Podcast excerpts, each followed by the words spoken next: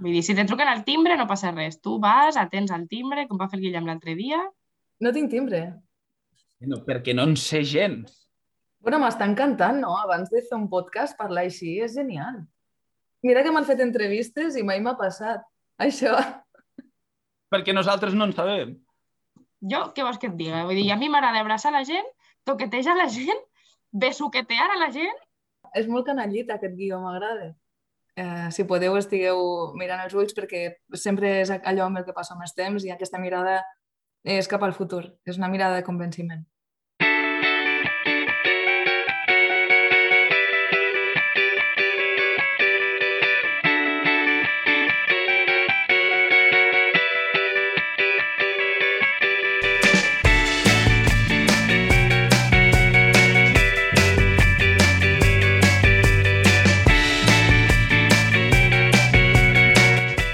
Molt bones a totes i tots i benvinguts a Enginyers el Podcast, l'espai sonor on despullem la professió d'enginyer i naveguem per tots els racons que ofereix aquesta professió.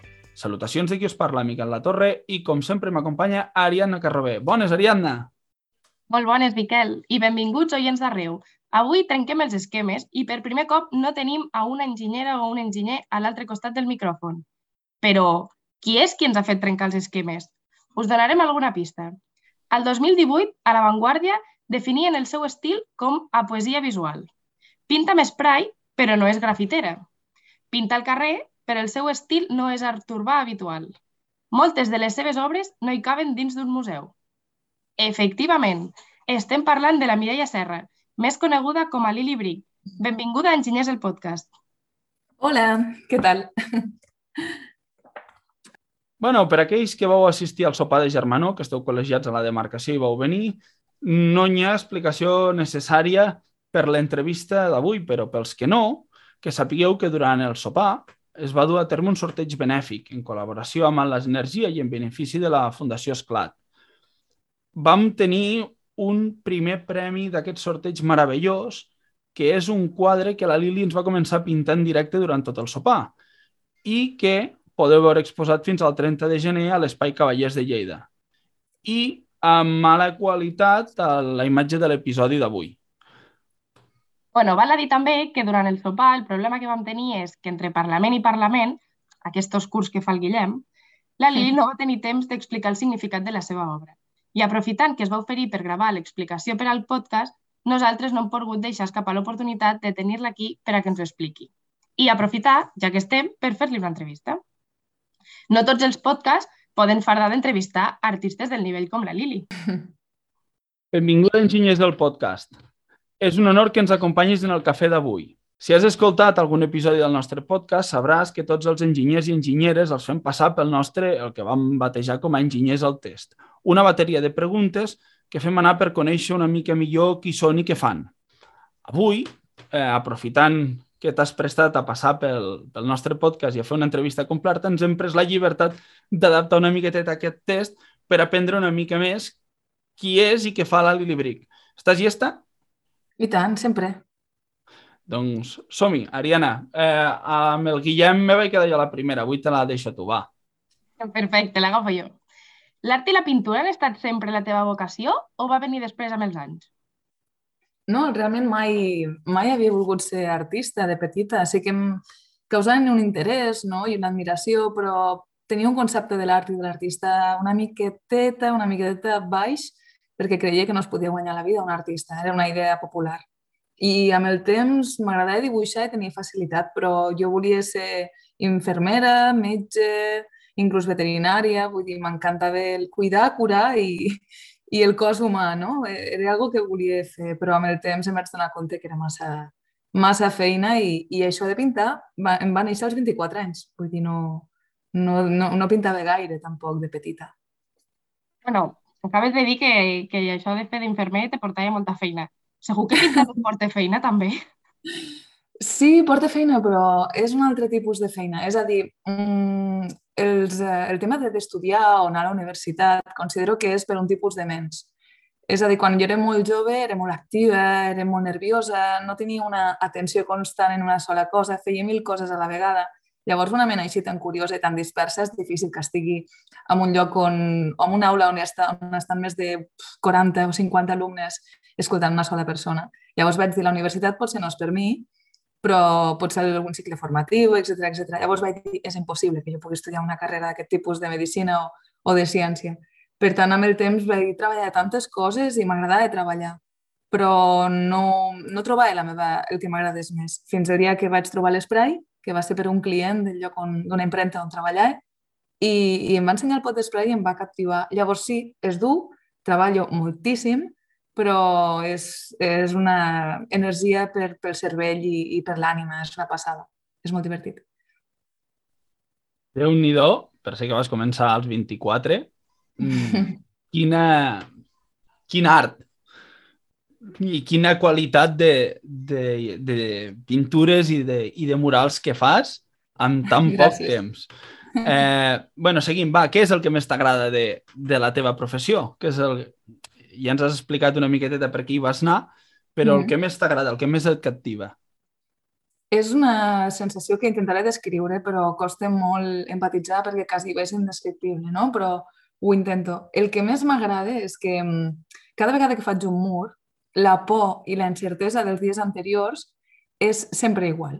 Mm, no igual de quantitat, però sempre és por. I sempre és incertesa i sempre és aquells nervis que tens com quan ets petit i has d'agafar l'autocar per anar-te'n d'excursió amb els amics, que no saps on te sentaràs. Eh, vull dir, és, és, aquella, és, és aquella emoció molt infantil i molt pura. Llavors, clar, pujo a la grua amb aquells bitxos enormes que vosaltres, els enginyers, heu dissenyat i són meravellosos.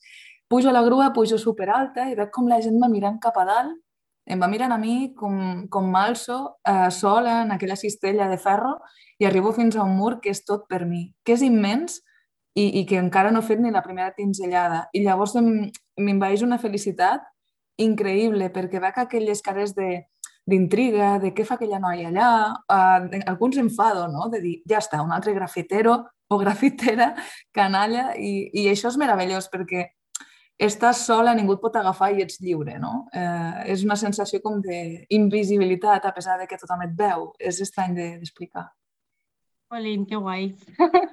bueno, lligat amb tot això que ens estàs explicant, eh, quin podries definir que ha estat el teu millor moment o que recordes amb més carinyo dins de la teva vida professional? N'he tingut molts perquè, com dic, la gent et dona moltíssim perquè estàs al carrer i passen coses molt maques, però recordo una molt, molt de, de carinyo i és que vaig pintar al lloc més eh, transitat i, i més poblat d'Europa, de, que és a Hospitalet de Llobregat. Justament a, a la parada de metro feien un esdeveniment que podien pintar els artistes urbans, bueno, uns que estaven um, classificats com, bueno, com els millors no, d'aquell any, i jo vaig pintar el darrer mes. Érem 12 artistes i el projecte es deia 12 més 1. Llavors eh, vaig pintar allí, en aquella boca de metro que sortia i entrava tantíssima gent, i recordo que molta gent es quedava parada, però de cop i volta veig sentats allí a una espècie d'esglaonet, una mare i un nen, que el nen havia sortit de la boca de metro cridant, xisclant, nerviós, potser devia tenir 8 anys. I es van sentar allà i el nen es va quedar parat mirant el, eh, la meva obra, que està ja quasi bé acabada, jo estava pintant els últims retocs, era molt tard, i el nen es va calmar. La mare li parlava i li deia calma't, el nen es va calmar, es va quedar mirant la meva, la meva obra i llavors em va fer tanta gràcia la situació que em vaig sentar al costat. Llavors la mare em va dir, amb els ulls plorosos, em va dir gràcies perquè el meu fill té autisme i pel que sigui, ha vist la teva obra, s'ha emocionat, tenia els ulls anant també i l'has donat molta pau. Diu, ara serà el lloc on vindrem sempre després de venir de l'escola. Llavors va ser com veure que l'art d'alguna manera entre a tot arreu i és més l'obra anava de la pausa, de la pausa, de la pau, de, de que es para el temps mirant per la finestra llegint un llibre. I li va arribar aquest nen. Llavors va ser algo molt, molt no sé, com encoratjador i, i fer que, que, que segueixis pintant per coses així. Uau, haurem d'anar a veure. No hi és ja, durant no, un mes. Tens fotos? Tinc fotos, tinc fotos, sí. Vale. sí, Home, sí. és que això haurem de deixar algun link al teu, I tant, a, i tant. al teu Instagram o a la teva web per veure està, aquest mural. Està penjat. Sí, sí, està penjat a la pàgina web i molta gent m'ho deia, ostres, me dava paz. Me deien tots, però... El posarem al, als comentaris del, de l'episodi perquè els que ens escoltin el puguin veure. I tant. Ah, Ara això no, no, no es pot quedar a l'aire. No, no ho podem Vale. deixar, no ens ho perdonaria ningú. No, jo encantada, encantada de passar-vos, i tant, i tant. Val. Ara, la part més fosca. Ara hem vist Mhm. una, una, pa- un, una part bona, preciosa, però bueno, Mhm. suposo que amb tanta feina, a la intempèrie, amb tanta superfície per treballar, Mm. hi haurà hagut moments d'usos i difícils. Ens en pots explicar algun? Sí, n'han hagut bastants. Mm, no sé, per exemple, un dels moments més complicats que tinc és que jo tinc vertigen. Llavors, eh, em passa que quan estic molt, molt alta tinc que lluitar contra, contra aquest vertigen i, i em va passar una vegada a Kungalf, a Suècia, que vaig pintar un edifici que tenia 20, 29 metres d'alçada i quan va pujar fins dalt de la grua em va agafar un bloqueig molt gran. Llavors vaig tenir que pal·liar amb allò, però quan ho vaig aconseguir, perquè al final és una inseguretat, el tercer dia la grua va tenir una averia i va caure tres pisos de cop. Llavors allà, en aquell moment, vaig pensar que, bueno, que ja no ho explicaria, no? I al final sí, i es supera i no passa res, no? Però aquell moment vaig passar molta por. I després un altre moment dolent, dolent és el fet de que encara, malauradament, una noia pintant sola en indrets i paratges potser molt desolats Um, sembla que no pugui ser, però estàs una mica exposada a un perill constant. Llavors he tingut algun tipus de situació en la que bueno, algunes persones s'han atansat amb, amb intencions una miqueteta dolentes, no? I llavors has d'aprendre a defensar-te, has d'aprendre a tècniques, no?, d'alguna manera, i m'he trobat, no moltes vegades, eh, dos o tres, però aquesta és una part dolenta, sí. Que el món no tot és molt bonic. N'hi ha pocs de dolents, però n'hi ha. A veure si podem començar a millorar una mica com a societat i que aquestes vegades siguin zero. Sí, sisplau. Perquè això estaria, estaria molt bé, perquè escoltar aquestes coses a, a finals del 2021, Sí, que estem gravant això, no és gens agradable. No, no, però és el que hi ha. Hem de lluitar perquè les nenes que pugin no ho tinguin tan, tan difícil, no els hi passen aquestes coses. Vinga, ara em toca a mi. Em, tot i que la teva carrera ha sigut bastant curta, ja que ens has comentat que vas començar quan ja tenies cat- 24 anys, em Mhm. tornaries a escollir aquest camí o potser tornaries enrere i miraries de dedicar-te a alguna altra cosa? Eh, aquesta conversa la vaig tenir ahir justament amb Matías Tolsà, que és un gran il·lustrador i caricaturista que treballa el jueves, i justament dèiem això, tornaríem una, una altra vegada al mateix, però és cert que al ser autodidactes a vegades admires i, i enveges una mica, en el bon sentit, els academicistes.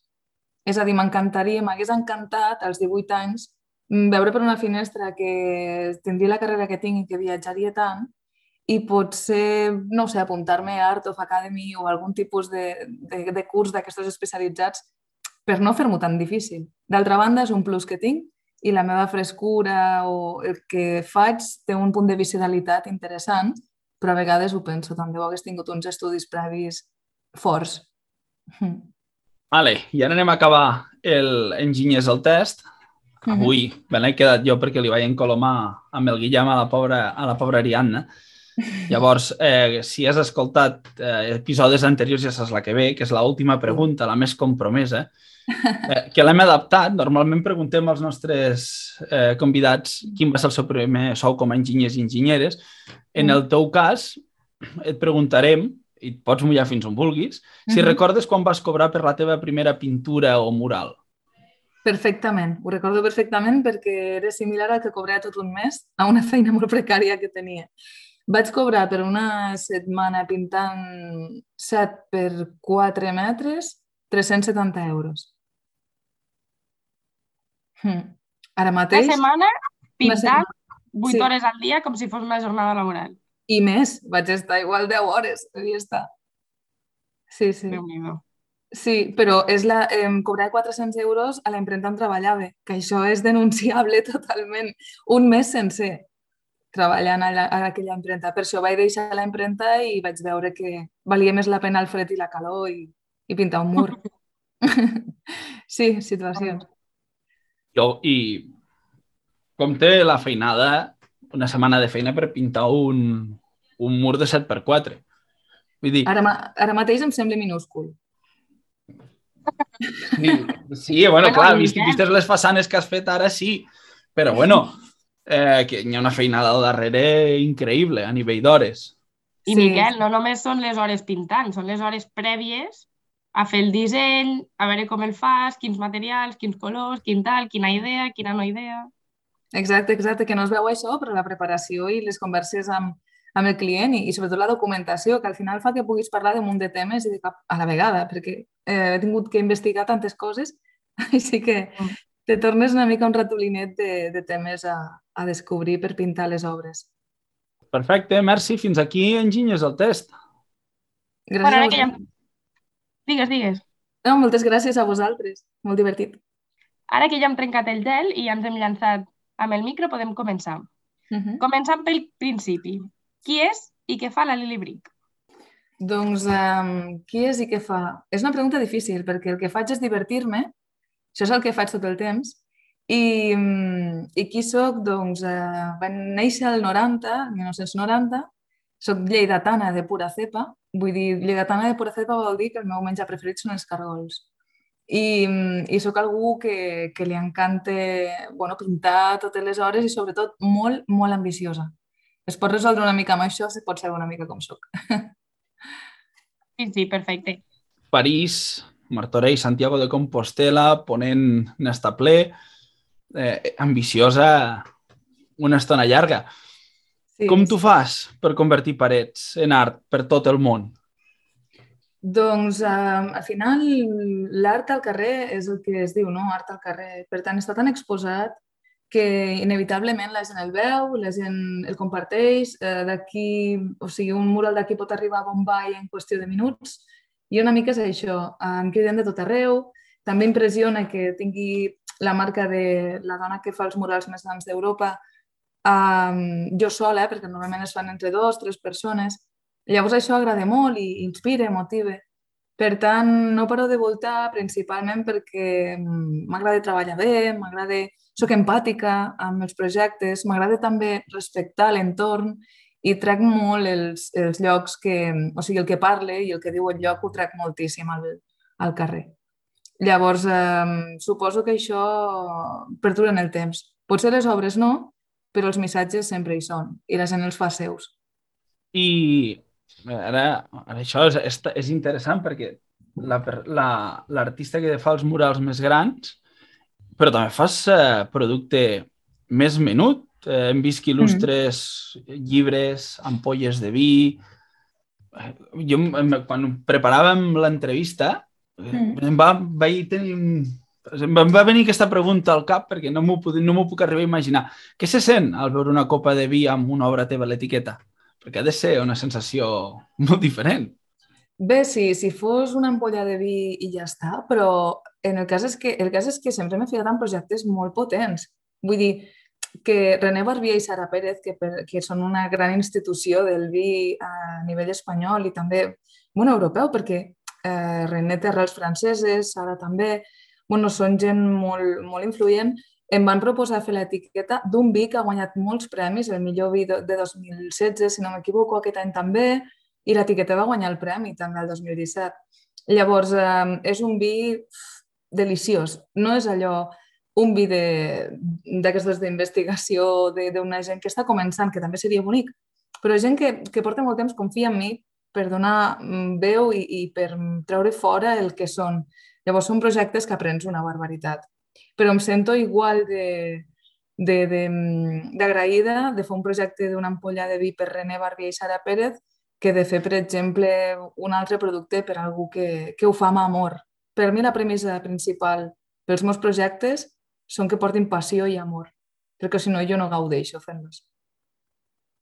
Bueno, i ara sí, ho anunciàvem a l'inici de l'episodi, també va ser, el projecte aquest va ser final, al, al cap i a la fi per, una, per donar-ho a una associació, és a dir, tot el que es va recaudar del sorteig que es va fer, del mural que vas, que vas fer pel col·legi, ho vam donar amb una, amb una associació i ara sí, arriba el motiu d'aquesta entrevista. Has vingut a, par a parlar d'aquesta obra que vas començar el nostre sopar de germanó i ara et deixem el micro et cedim el podcast i t'escoltem amb tota la nostra atenció perquè ens expliquis el significat d'aquest meravellós quadre que penjarà a les parets d'un company nostre. Fantàstic. Doncs bé, espero parlar en propietat, vull dir, intentaré parlar de...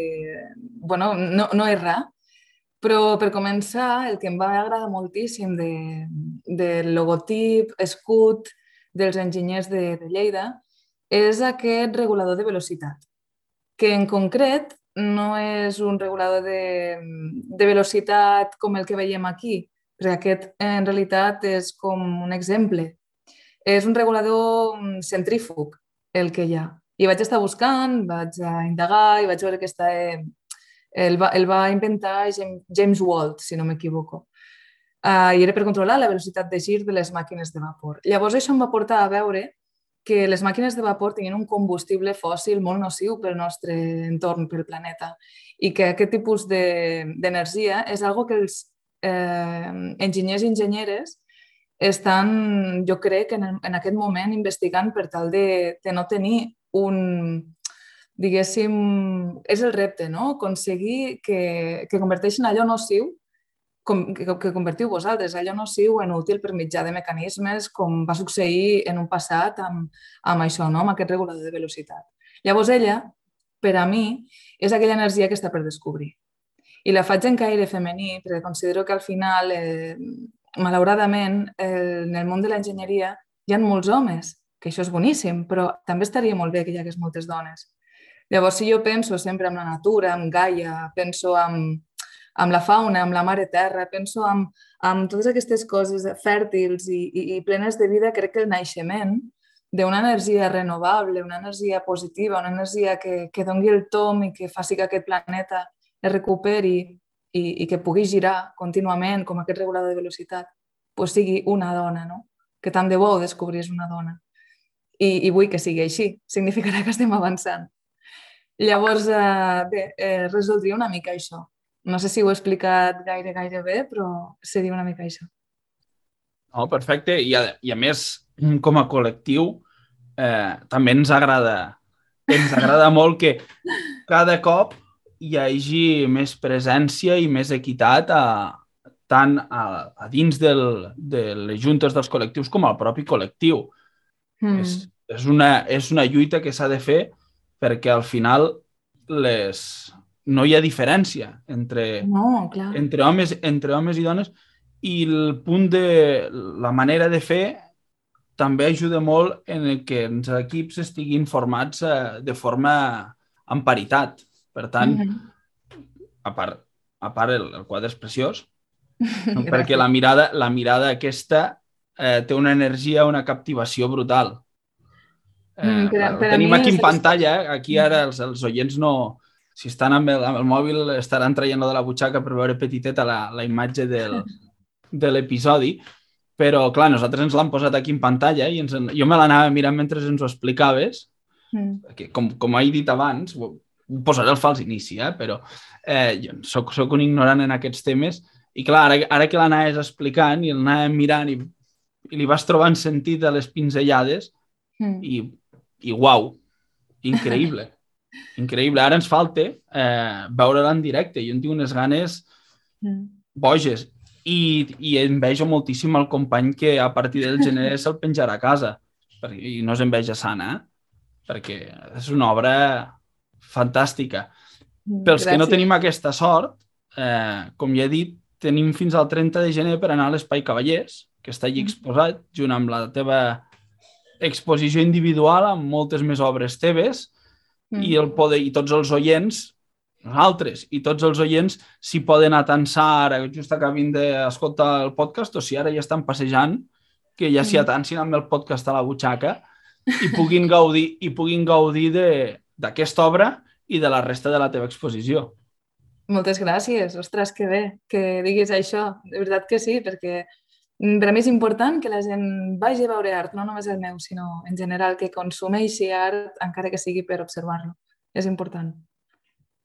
En aquesta exposició, a més a més d'aquest quadre, quin, quins altres podem trobar o, o un, com definiries aquesta exposició amb una frase o poques paraules? Mm. Doncs la definiria com la, una diversió molt íntima, no?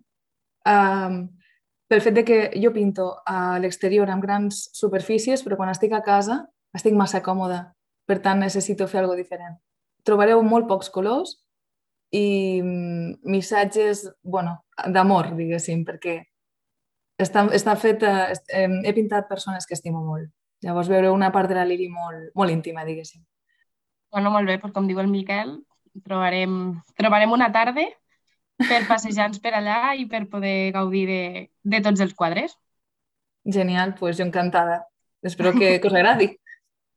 Sí, si són igual de bonics que aquest, segur. I si són la meitat de bonics Lo, que aquest, o la meitat, també. això no ve a dir. Moltes gràcies. També he de dir que si aneu a veure aquest quadre en concret, eh, la mirada.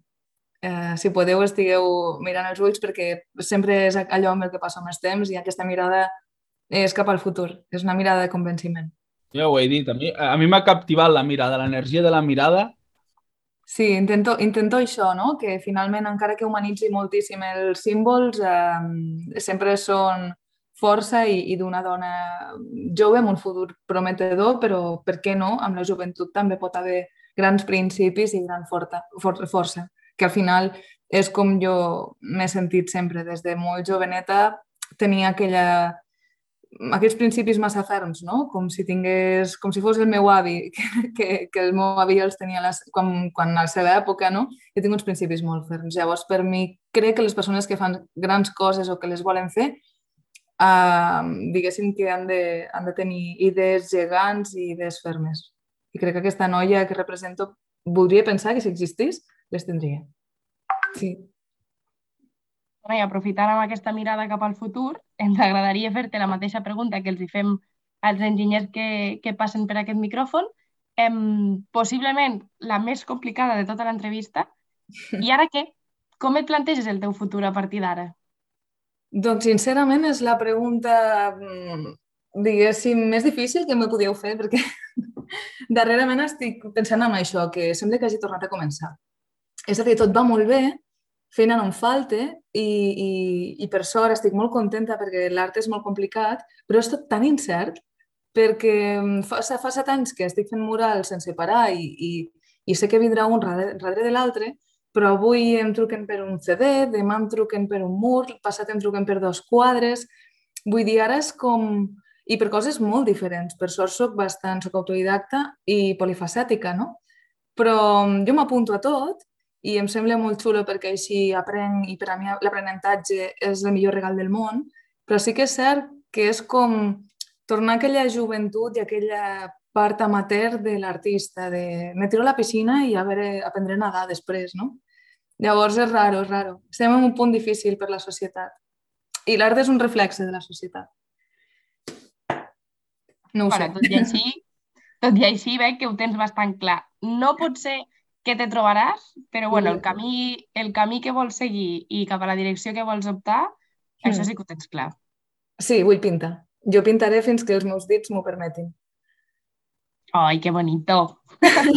Bueno, fins aquí l'entrevista. Moltíssimes gràcies, Lili, per acompanyar-nos avui. Ha estat un plaer poder compartir amb tu aquesta estona i haver pogut trencar tots aquests esquemes que veníem fent fins ara amb aquest podcast amb algú com tu que s'allunya bastant del que seria l'enginyeria i que ens has apropat a nosaltres em, aquesta part tan important de la societat com és l'art i, i com bé deies ara, que al final no deixa de ser un reflexe de, de, de tothom.